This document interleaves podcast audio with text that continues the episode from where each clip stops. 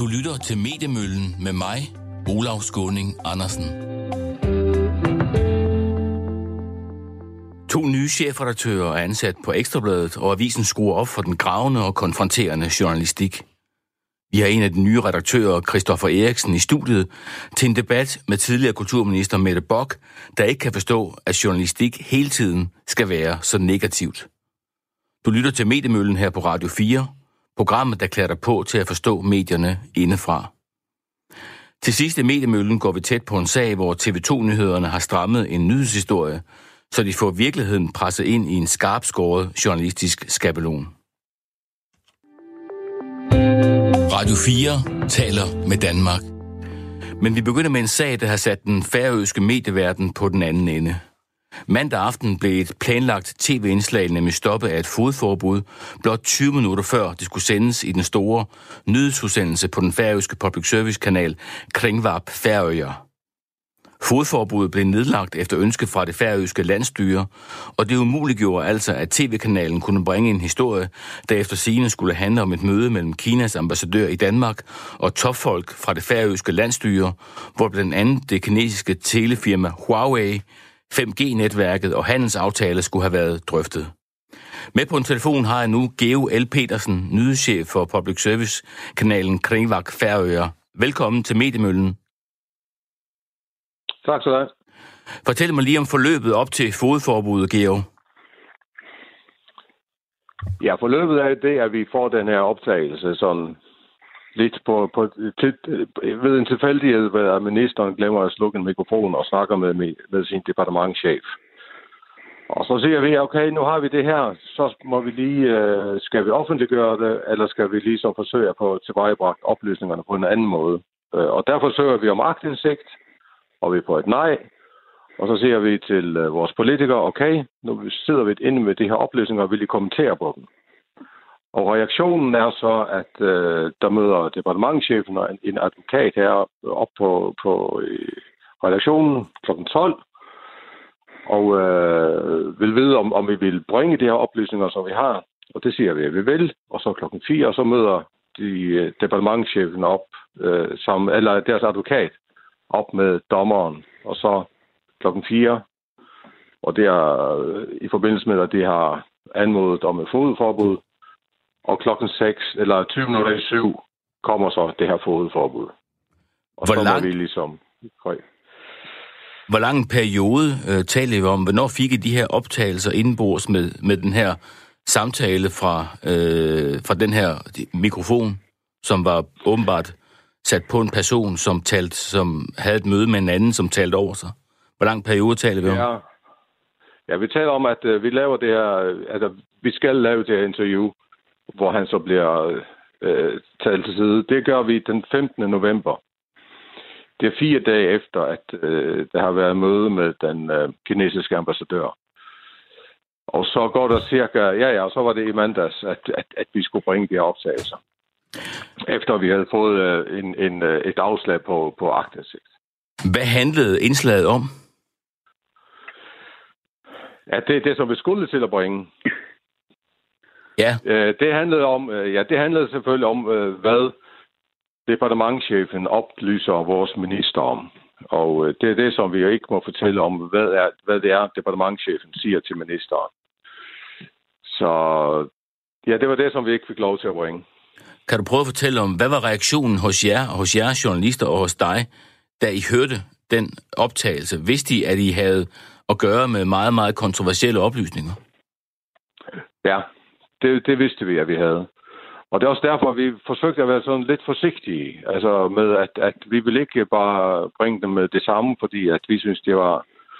Det er rimelig følsomme oplysninger, som, som, som øh, kommer frem under den her samtale, som kan være af, af stor politisk interesse. Og derfor, der- derfor ligesom, så tæller vi til 10, og så ser vi, okay, nu beder vi om agtindsigt, og så, så tager vi lige og tænker over det. Hvordan vi så griber det an. Og men resultatet af, at vi ikke øh, offentliggjorde det med det samme, det var det, at vi fik det her fodforbud i hovedet i stedet for. Så måske til eftertiden, så er vi måske ikke så flinke, som vi var den her gang. Nej, det er også det, jeg tænker på. Altså, ville det være smart af jer, øh, hvis I mente, at I har jo vurderet, at det her det var noget af offentlig interesse for for borgerne på Færøerne, øh, og at I gerne vil offentliggøre de her ting. Øh, har I været for flinke? Øh, burde I have offentliggjort det øh, ret hurtigt, sådan at man kunne undgå det her fodforbud, hvis I mener, at det var af stor offentlig interesse at bringe oplysningerne? Ja, man kan sige, at bagklodskabens lys, så, så, så skulle vi måske have gjort det, men jeg må sige, altså i, i al min tid, altså jeg har været ledende stillinger i, øh, i øh, mediebranchen på Færøerne siden 95, har jeg aldrig i mit liv oplevet et fodforbud. Så det var noget, vi, vi drøftede. Okay, det er en mulighed, men, men nej, det regnede vi ikke med. Det, det, det, det havde vi virkelig ikke regnet med, ville ske. Hvorfor men, tror du så, øh, det skete? Det også. Ja, åbenbart fordi oplysningerne er måske endnu mere vigtige, end, end vi havde vi havde troet, at det var. Altså, det er åbenbart af så stor betydning, at, at det skal nedlægges forbud imod dem. Altså, Hvordan så... har reaktionen været på Færøerne øh, fra det politiske liv og fra andre medier, øh, efter den her sag kom frem? Ja, den har været sådan lidt frem og tilbage, fordi øh, er det vores opgave ligesom at, øh, at øh, kan man sige, at, at øh, være i, øh, i, i samme båd som, som, som politikerne, ligesom der var nogen, der brugte det her billede, at når Færøerne spiller imod Danmark eller noget i fodbold, jamen så holder alle med Færøerne. At hvis der er noget, der kan gå ud over Færøernes interesser, så skal vi selvfølgelig ikke bringe det, eller noget i den stil. At, at, at vi har, ja, at, at, at, at vi skal være i samme båd som politikerne, og det mener vi ikke, at vi er.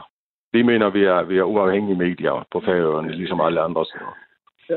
Men er der aviskommentatorer, og er der, hvad skal man sige, kommentatorer og andre politikere, som har støttet jer, eller er der, eller er der nogen, der har gjort det modsatte og sagt, jamen, øh, i og med, at I gerne vil offentliggøre det, så var det simpelthen noget, som vil øh, ødelægge noget for, øh, for Færøerne?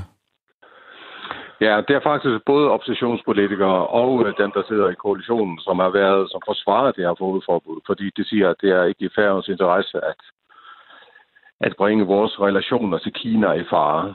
Og, og, og derfor er det fint, og der er noget, der skal være holdt hemmeligt og ikke skal offentliggøres. Og at det er i færgens interesse, at, at det bliver øh, ligesom øh, gemt væk. Øh, så, så, men, men så er der også andre, der, der er en anden mening. Hvordan er det at være midtpunkt sådan mellem øh, i, i, i færøerne mellem i storpolitik jo mellem Kina og mellem USA og mellem, mellem Danmark og, og Færøen. Det er åbenbart øh, noget, som er meget, meget øh, prekært, det I har fat i. Ja, åbenbart. Det havde vi ikke forudset, at, at det, var, det var så stort. Øh, men, øh, men det er det åbenbart, og det er bare sådan øh, tilfældighederne, som, som spiller ind, og, og vi pludselig er blevet midtpunkt. Men det må vi så tage, tage derfra. Hvad kommer der til at ske i sagen nu? Ja, det er, at, øh, at øh, dem, der, altså landstyret nok lægger en stævning inden for færgens ret om at opretholde det her fodforbud. Og så er det, at det, det skal, øh, det kommer til behandling i, i færgens ret på, på mandag eller mandag aften. Og så er det, hvor, hvor lang tid tager det så?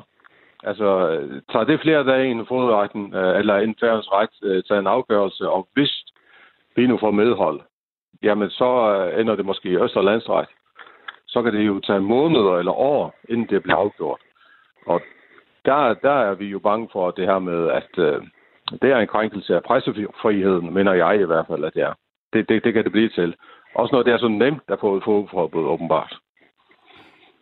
Hvis I nu får lov til at, at bringe at, indslaget at, på et senere tidspunkt, har, har, har det fodforbud så haft nogen betydning egentlig? Nej, men nu, nu, nu venter vi og ser, altså, hvad der sker på mandag, om, om, øh, om, om det bliver opretholdt, og om, om det, det bliver anket videre til, til landsretten, øh, eller hvad. Øh, okay, hvis der går en uge, vi har, at oplysningerne ikke er offentlige, altså det gør, gør måske ikke så meget, men altså, hvis det skal hemmeligholdes i nærmest al evighed, så, så har vi altså et, et stort problem.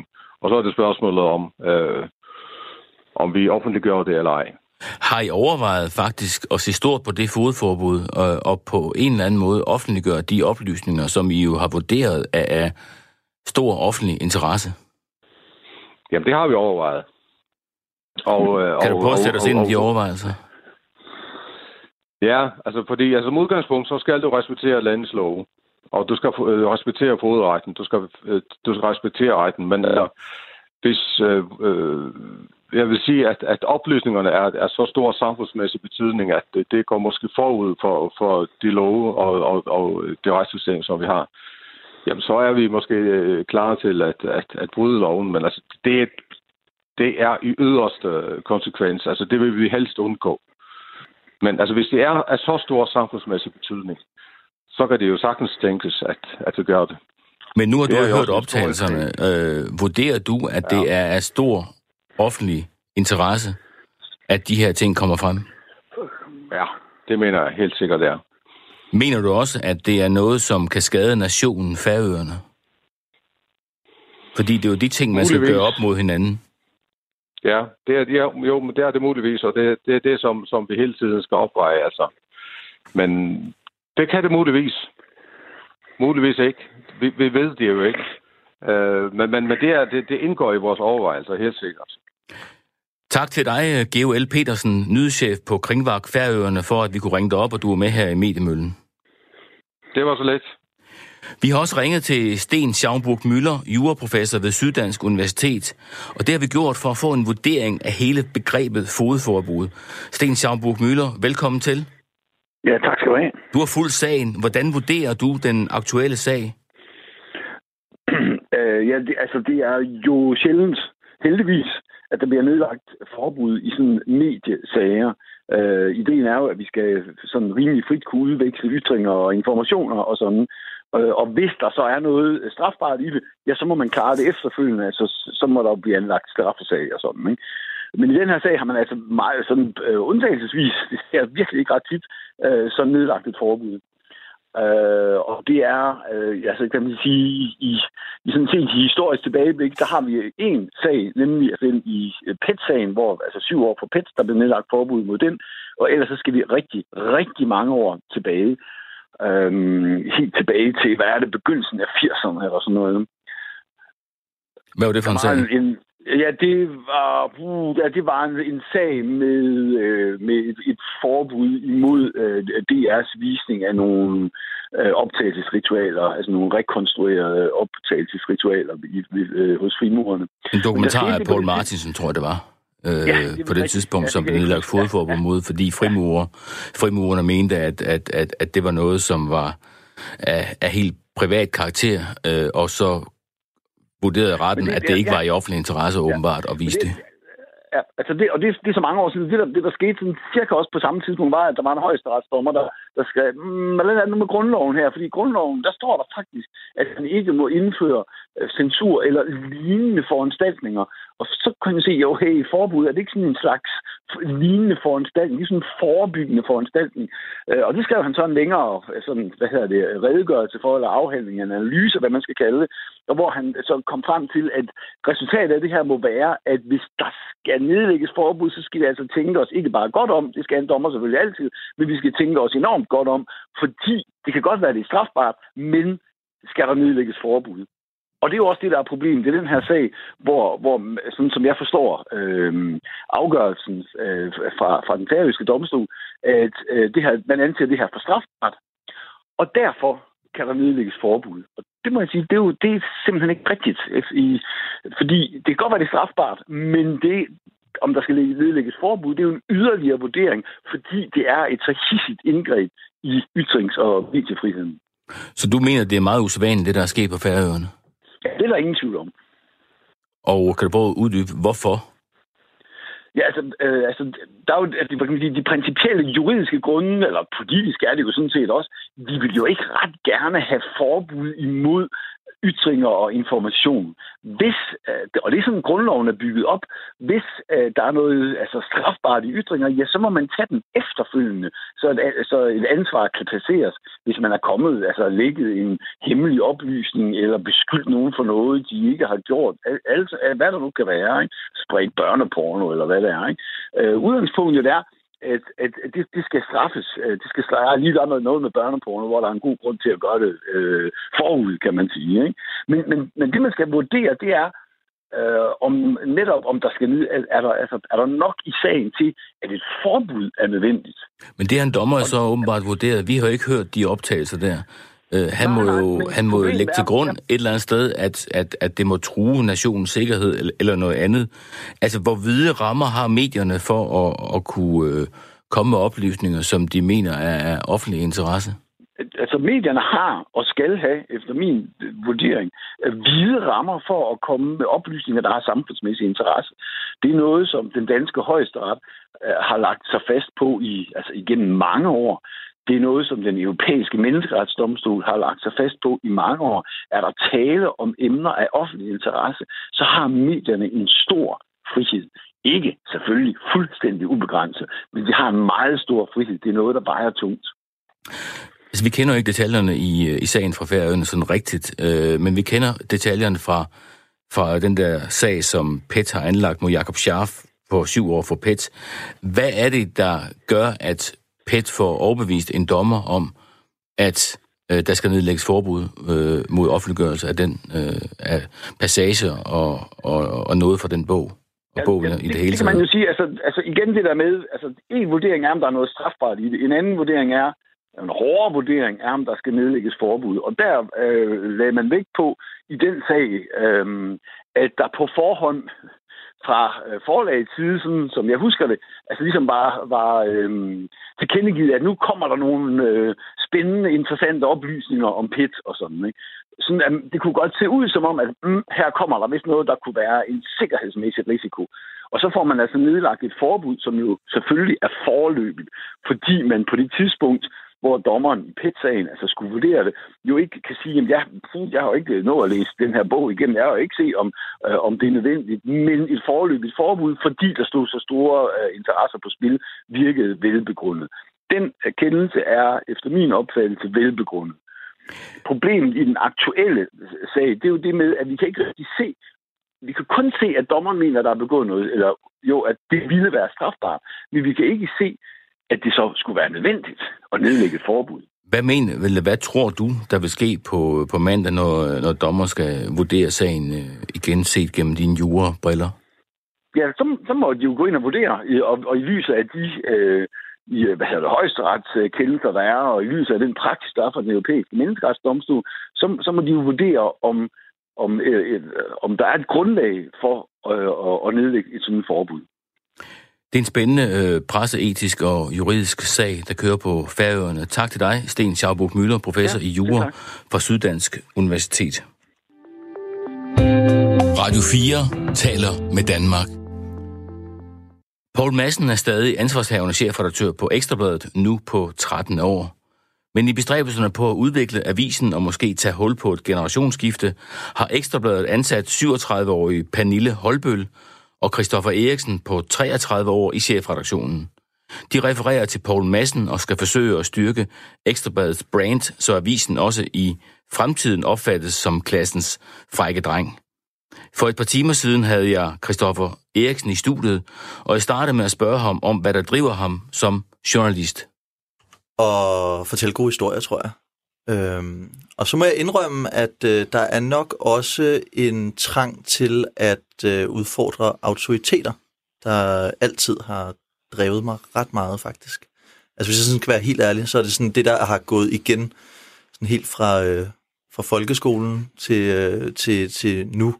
Altså, jeg synes, det er... Øh, at det, det, det, kan, det kan jeg godt lide. Det finder jeg mening i.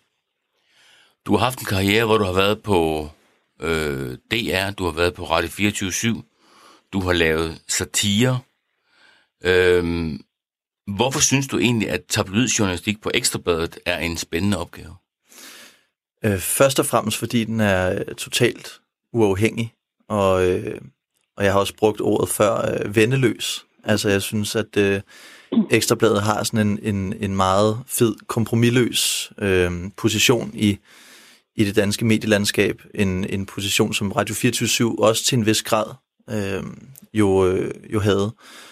Og, øh, og, og, og jeg tror, at det, øh, der er måske mange andre steder, øh, også steder, jeg har været, hvor, øh, hvor der ikke har været den helt samme øh, publicistiske gejst. Altså hvor, øh, hvor man ikke har stukket begge hænder i vejret og råbt og skrevet og fejret det, når man har en god historie, men med det samme har bekymret sig enormt meget om, tænk nu, hvis nogen bliver sure.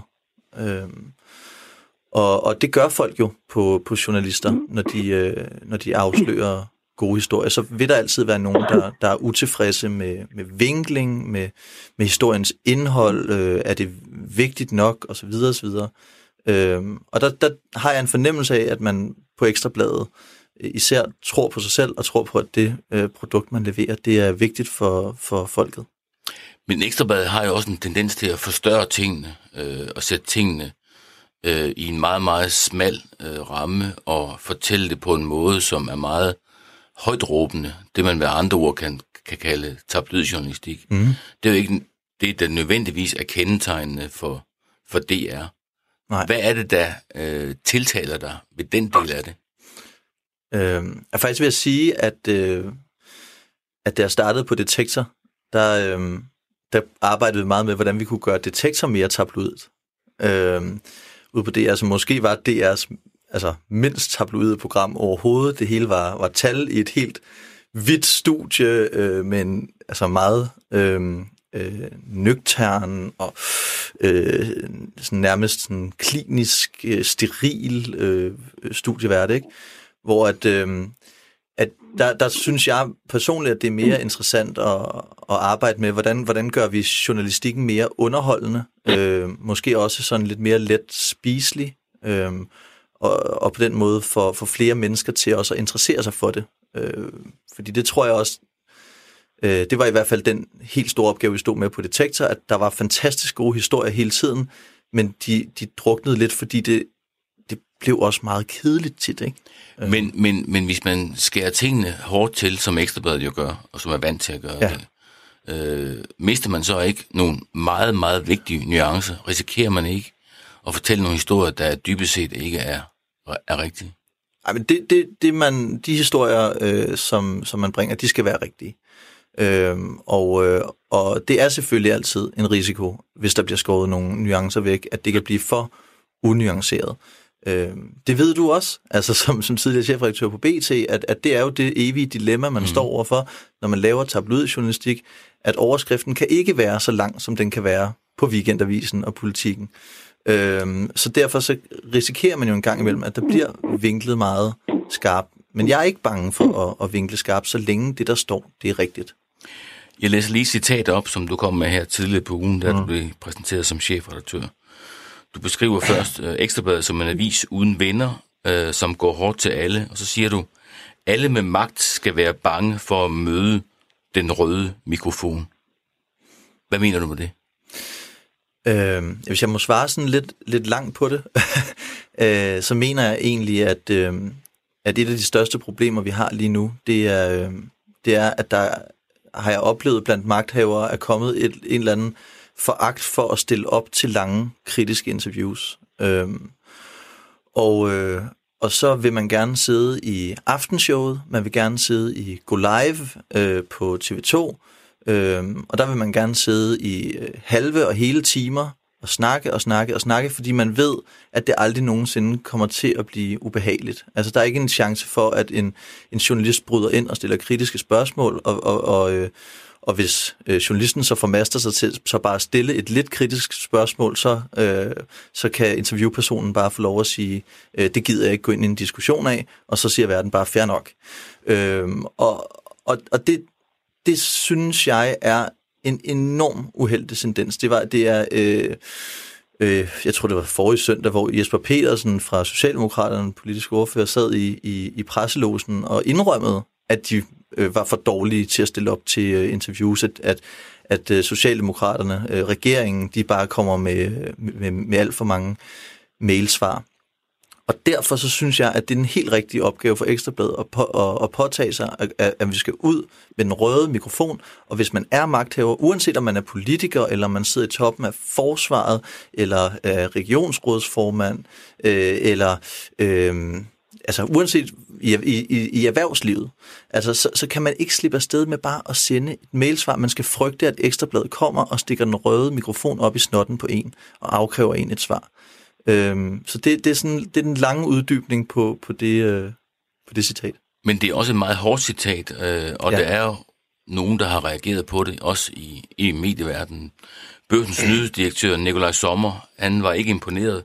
Han skrev i sin avis, man kunne få den mistanke, at Christoffer Eriksen ønsker at forvalte sin magt som en anden selvudnævnt bandeleder. Med løftet baseballbat går han rundt og holder nabolaget i jerngreb. Det sikrer hans egen position og magt, men på bekostning af virkeløst og tryghed for alle beboere. Der er masser af plads til at lave god gedin journalistik, der afslører hyggeleri og magtmisbrug, uden at man behøver at talesætte alle magthavere som skurke.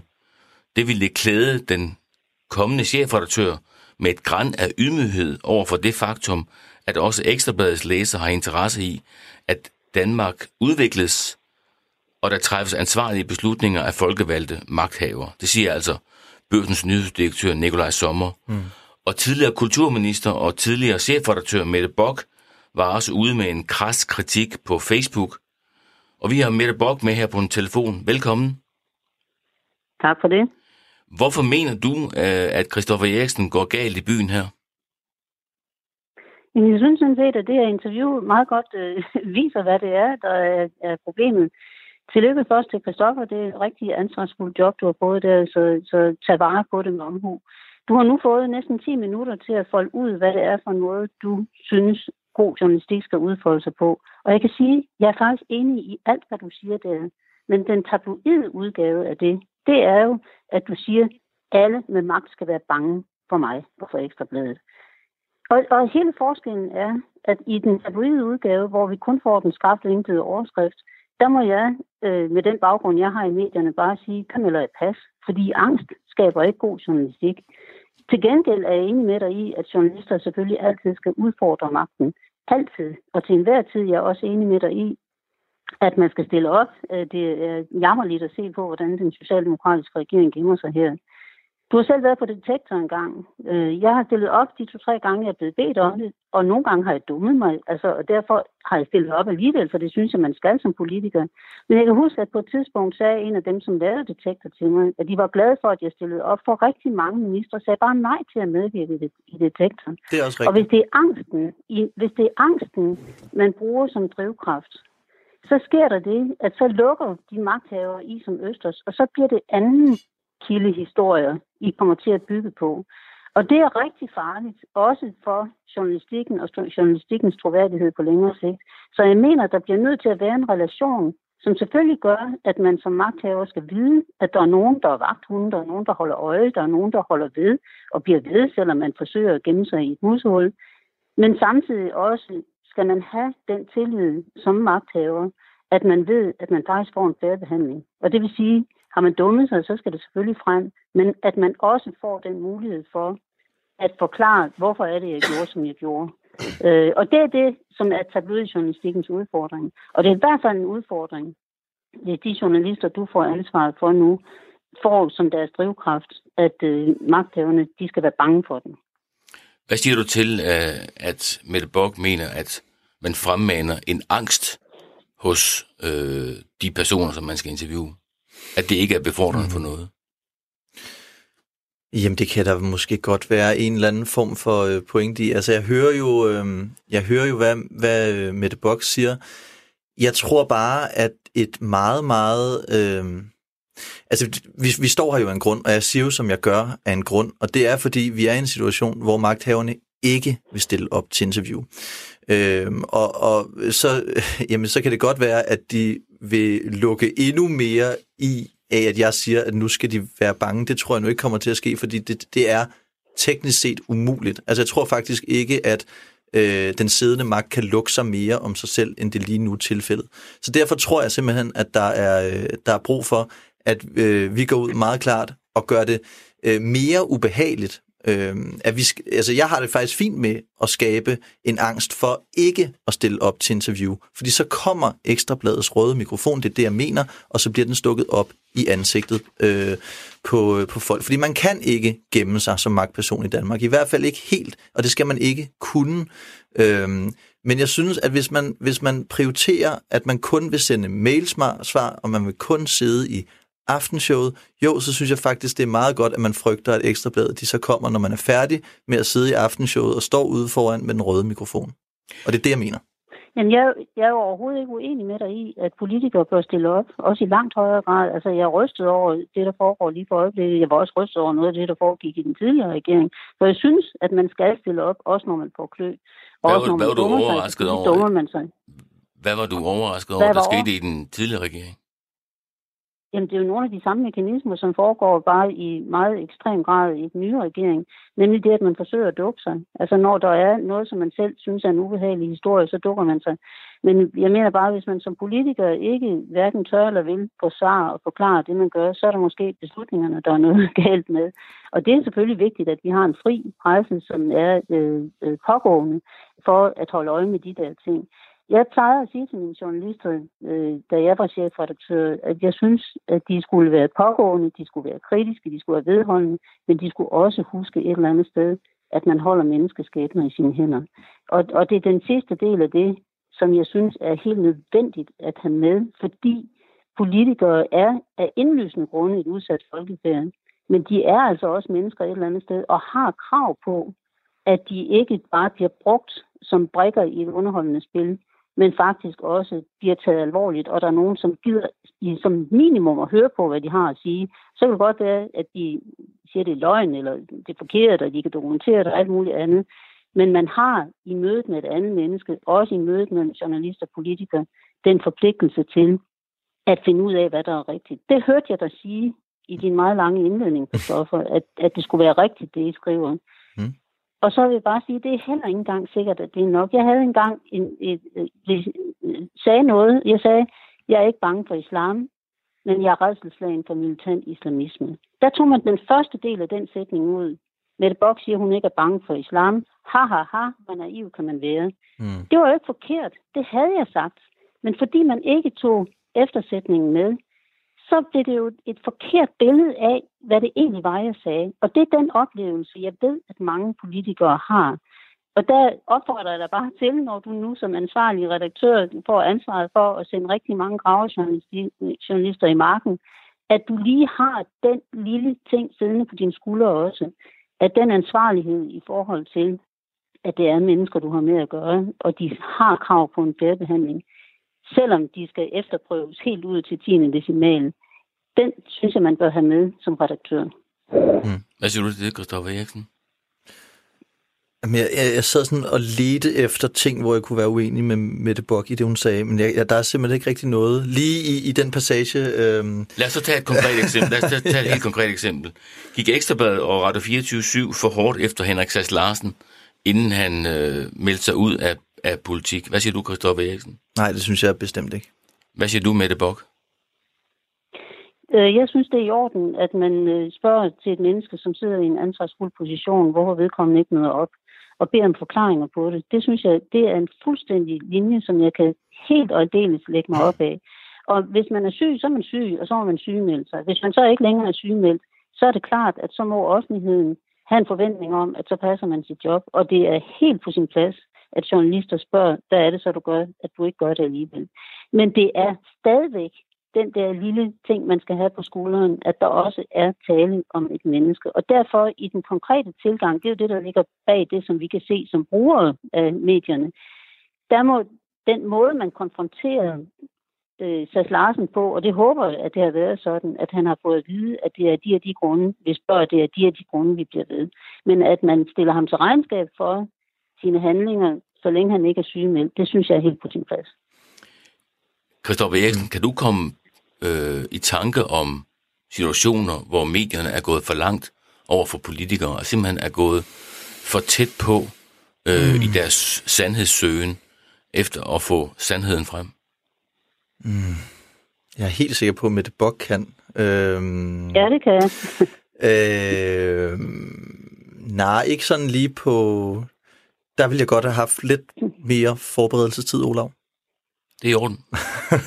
Mette Bock, kan du komme på eksempler? Ja, altså jeg, kan, jeg, har, jeg havde sådan, sådan en helt absurd oplevelse på et tidspunkt, hvor øh, Kavlingprisen skulle uddeles, og den gik så til øh, Berlingske, som havde lavet en hel masse gravejournalistik omkring landbrugspakken, som de havde gennemført for et par år siden. Og det plejer at være statsministeren, der er til stede ved den overrækkelse. Man skal ikke sige noget, man skal bare være der statsministeren kunne ikke, og så sat, sendte han så mig som kulturminister i stedet for. Og der sad jeg og hørte på de der skåltaler om, hvor fantastisk det var for en afdækning, Berlingske havde lavet, og nu fik man endelig sandheden med stor S frem og så videre. Jeg har selv siddet inde i det der forhandlingslokale og fulgt det hele, og fulgt den dækning, der havde været. Og der må jeg bare sige, der var altså bare en diskrepans, som for mig at se skreg til himlen. Og det er jo ikke en kritik af, at man går tingene efter i sømmene, og at man beskriver tingene. Men for mig at se, der var det væltet over i en kampagnejournalistik, som så ovenikøbet udløste en kavlingpris. Øh, og der, der, altså det der teater, der også er omkring relationen imellem medier og magthavere, i det her tilfælde politikere, den blev meget, meget tydelig for mig på det tidspunkt der. Okay, tak for øh, de var med. Mette Bock, tidligere kulturminister og øh, politiker hos Liberal Alliance, tidligere chefredaktør. Tak for det. Selv tak. Du har en øh, redaktion på 20 gravejournalister, står der i presmeddelelsen fra JB Politikens Hus. Øh, hvad skal de 20 mennesker bruges til? De skal bruges til at afdække samfundsforhold, erhverv og, øh, og politik. Øh, sådan lige øh, primært, og så skal de bruges til at lave øh, fede afsløringer, og også afsløringer, som, øh, som er så gode, at man gider betale for at, at læse dem. Øh, fordi det er jo selvfølgelig øh, den helt store øh, udfordring lige nu. Altså det er at få folk til at gå ind og købe et, øh, et øh, plus abonnement. Øh, så så det, det der er en del af det, de skal, de skal, de skal bruges til. Øh, man kan sige, det var jo også øh, det, som vi var på vej med på Radio 24 var en, en, en markant øh, øh, investering i den undersøgende journalistik, fordi jeg synes, at det altså i, i den her tid, hvor man kan få alt gratis, alt hurtigt øh, og så videre, alle vegne, øh, og der er så meget konkurrence fra, øh, fra Facebook og øh, altså sociale medier og alt sådan noget, så er det bare i den undersøgende journalistik, der adskiller øh, forne for bukkene, hvis man kan sige det på, øh, på den måde. Så derfor så synes jeg, at altså jeg ved ikke, jeg, når jeg tænker på Ekstrabladet, så, så har jeg altid tænkt på det som netop, altså den der, dem der kom med den vilde afsløring.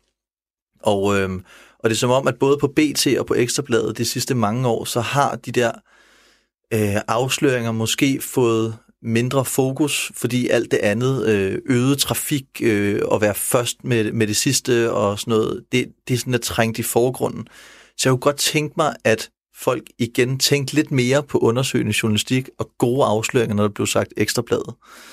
Øh, det, det er, tror jeg, er, et langt knudret svar på, på et meget ellers simpelt spørgsmål. Det var ordene fra Christoffer Eriksen, kommende chefredaktør på Ekstrabladet, og Mette Bock, tidligere kulturminister for Liberal Alliance, som jeg havde talt med tidligere på dagen. Radio 4 taler med Danmark. Hvad gør man, når virkeligheden ikke helt passer til den historie, man gerne vil fortælle? Det skal vi tale om nu, hvor jeg har fået besøg af min kollega Anders Christiansen, der er redaktør på Mediemøllen. Velkommen til. Tak skal du have. Du har en historie med, der handler om TV2-nyhedernes kampagneserie om bøvl og byråkrati. Mm. Hvad er det egentlig for en historie? Jamen, øh, TV2-nyhederne, de kører i øjeblikket i samarbejde med TV2-regionerne. Der kører de en, øh, en kampagne, altså noget kampagnejournalistik, det betyder simpelthen bare, at man, man dækker det samme emne over, over flere dage, som har øh, overskriften bøvl og byråkrati. Og det er en, en serie, der handler om, at øh, der er for mange regler, og nogle af reglerne, de er dybt åndssvage, og man burde afskaffe dem. Og det er jo i og for sig egentlig en, en fin nok, øh, et fint nok tema. Det lyder have. rigtigt. Det lyder, lyder rigtigt, og det er lige præcis det, der er øh, pointen med den her historie. Det er, at der er nogle ting her i verden, som, som lyder rigtigt, men det er ikke sikkert, at øh, de eksempler, man så har, er rigtige. Altså, vi er alle sammen enige om, at byråkrati, det er dumt, og der er for meget af det. Det prøver TV2 så at afdække med nogle konkrete eksempler. Og det er her, eksemplerne så ikke helt holder. Onsdag aften, 19 nyhederne, 3. december, der, øh, der har det en historie, der handler om Rigsarkivet og om øh, en kommune, Halsnæs Kommune. Og prøv lige at sætte det første klip på, så kan vi høre, hvordan øh, de starter indslaget. I denne uge sætter TV2 og TV2's regioner fokus på alle regler i Danmark, som skader mere end de gavner ja, så, øh, så er konklusionen jo allerede øh, klar. Altså TV2 siger, her kommer der øh, en historie om en regel, der skader mere end den gavner. Og øh, prøv at spille øh, klip 2, kan vi lige høre, hvordan øh, indslaget fortsætter. I Halsnes har borgmesteren forgæves forsøgt at komme af med en regel fra Rigsarkivet. En regel, der har tvunget ham til at finde ud af, hvor mange meter hylder i kommunen, der er fyldt med bevaringsværdige genstande og papirer. En øvelse, der har krævet en hel del tålmodighed og et målebånd. Så tager vi lige en måling, og den er en meter. Halsnes Kommune har brugt tid på at opmåle en hel del af deres hylder. Og så hedder den 33. Jeg synes, det her er et eksempel på, uh, som et uh, dybt godnat i virkeligheden. Ikke? Det er hylderne med bevaringsværdige genstande og papirer. Ja, her har vi en meter. Kommunen har skulle måle op. En opgave, der inklusiv administration har taget op imod 100 timer, svarende til to ugers arbejde for en person. Jeg vil hellere bruge pengene på noget andet, og det tror jeg hele Danmark også vil. Ja, det lyder jo øh, helt forfærdeligt. Øh, og, det lyder som et problem, de har i halsnes. og det gør det. Øh, men der er nogle ting her, som, som skuer lidt i, i ørerne her. Fordi øh, altså, de taler om bevaringsværdigt materiale. Det er jo ikke bare sådan, øh, ligegyldigt øh, materiale. Det er jo noget, der er meningen, man skal, skal bevare. Og klippet er jo rigtig rørende. Man kan, man kan også høre på klippet, hende her, hun går rundt med, med målebånd og, og måler op, hvor mange hyldemeter der er. Øh, selvom hun måske kunne have målt en hylde og så talt, øh, hvor mange hylder der er. Fordi ser det i scenesat ud? Det ser, det ser i scenesat ud. Øh, det gør det. Og øh, Problemet er jo, at når de starter med at konkludere her, er der altså en regel, som gør øh, mere skade end gavn. Så, så tror vi jo, det er rigtigt. Øh, der, virker, der medvirker en fra, øh, fra Rigsarkivet, og hende har jeg snakket med. Og hun er selvfølgelig ikke enig i, at den regel her, den øh, gør mere skade end gavn. Øh, nærmere øh, tværtimod, at hun siger, at det, det er rigtig vigtigt. Det, det handler om, det er, at, øh, at Rigsarkivet, de bevarer jo vores fælles arv. Og det kan være alle mulige dokumenter, som senere kan være til stor brug for kommuner, det kan være for øh, historikere, det kan være journalister, alle mulige, at se, hvad var det egentlig, vi gik rundt og lavede før i tiden, og man kan samle rigtig meget materiale sammen. Men de skal jo være et sted, og Rigsarkivet skal jo på en eller anden måde kunne planlægge, hvor, øh, hvor, meget, øh, øh, altså, hvor meget lærerplads får vi brug for. Så derfor så har de bedt landets kommuner om at måle op, hvor meget har I af det her, som, som vi skal bruge. Øhm, og det, det er simpelthen det, øh, indslaget, eller loven, reglen handler om. Det, der ikke kommer frem i indslaget, det er, at øh, Halsnes Kommune, som vi hører her, er den eneste kommune i landet, der ikke har givet gøre det. Altså de eneste, der ikke har gjort det. Det, øh, det bliver ikke nævnt i, øh, i indslaget. Og øh, altså, det bliver, heller ikke, øh, det bliver heller ikke nævnt, det her med, at øh, det, er jo, det er jo ikke noget, de skal gøre sådan hele tiden. De har blevet bedt om at gøre det for, for 10 år siden, og så er de blevet bedt om at, at gøre det igen, eller faktisk for tre år siden. Halsens har bare ikke gjort det. Alle andre kommuner har afleveret det her inden for de sidste tre år. Er det en tendentiøs historie, synes du? Øh, ja, det, det, det, det synes jeg. Øh, jeg har jo øh, meget på interview med Christoffer Eriksen, øh, for, der er kommende redaktør på, på Ekstrabladet. Han siger jo, at øh, et, et stigende problem, det er jo mailsvar. Og det er også derfor, jeg sidder her.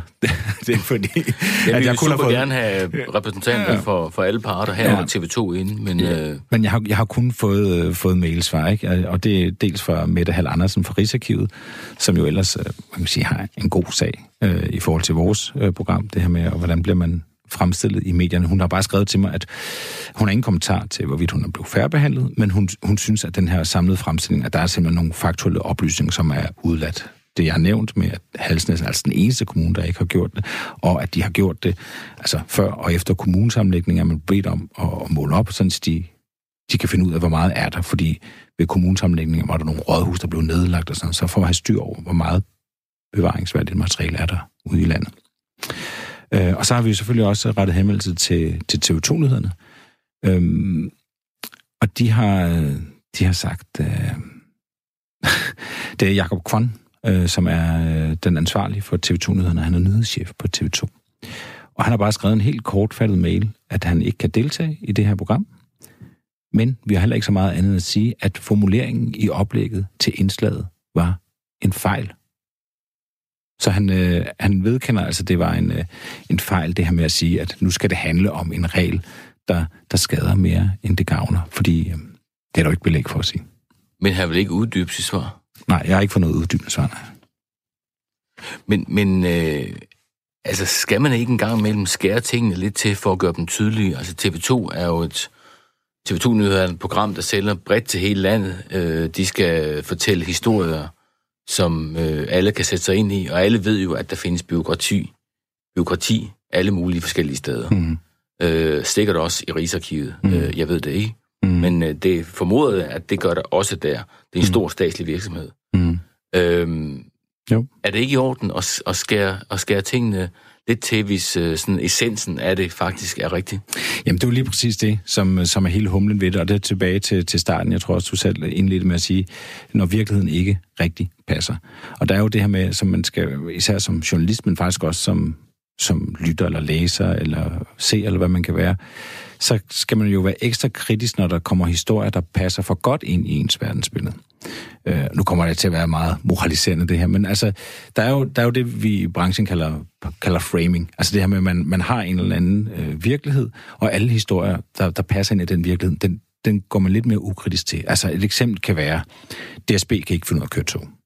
Så alle historier, der kommer omkring DSB, øh, der ikke kører tog eller har problemer, de passer så godt ind, så man glemmer måske at forholde sig kritisk til det. Øh, svenskerne, de er overdrevne, politisk korrekte.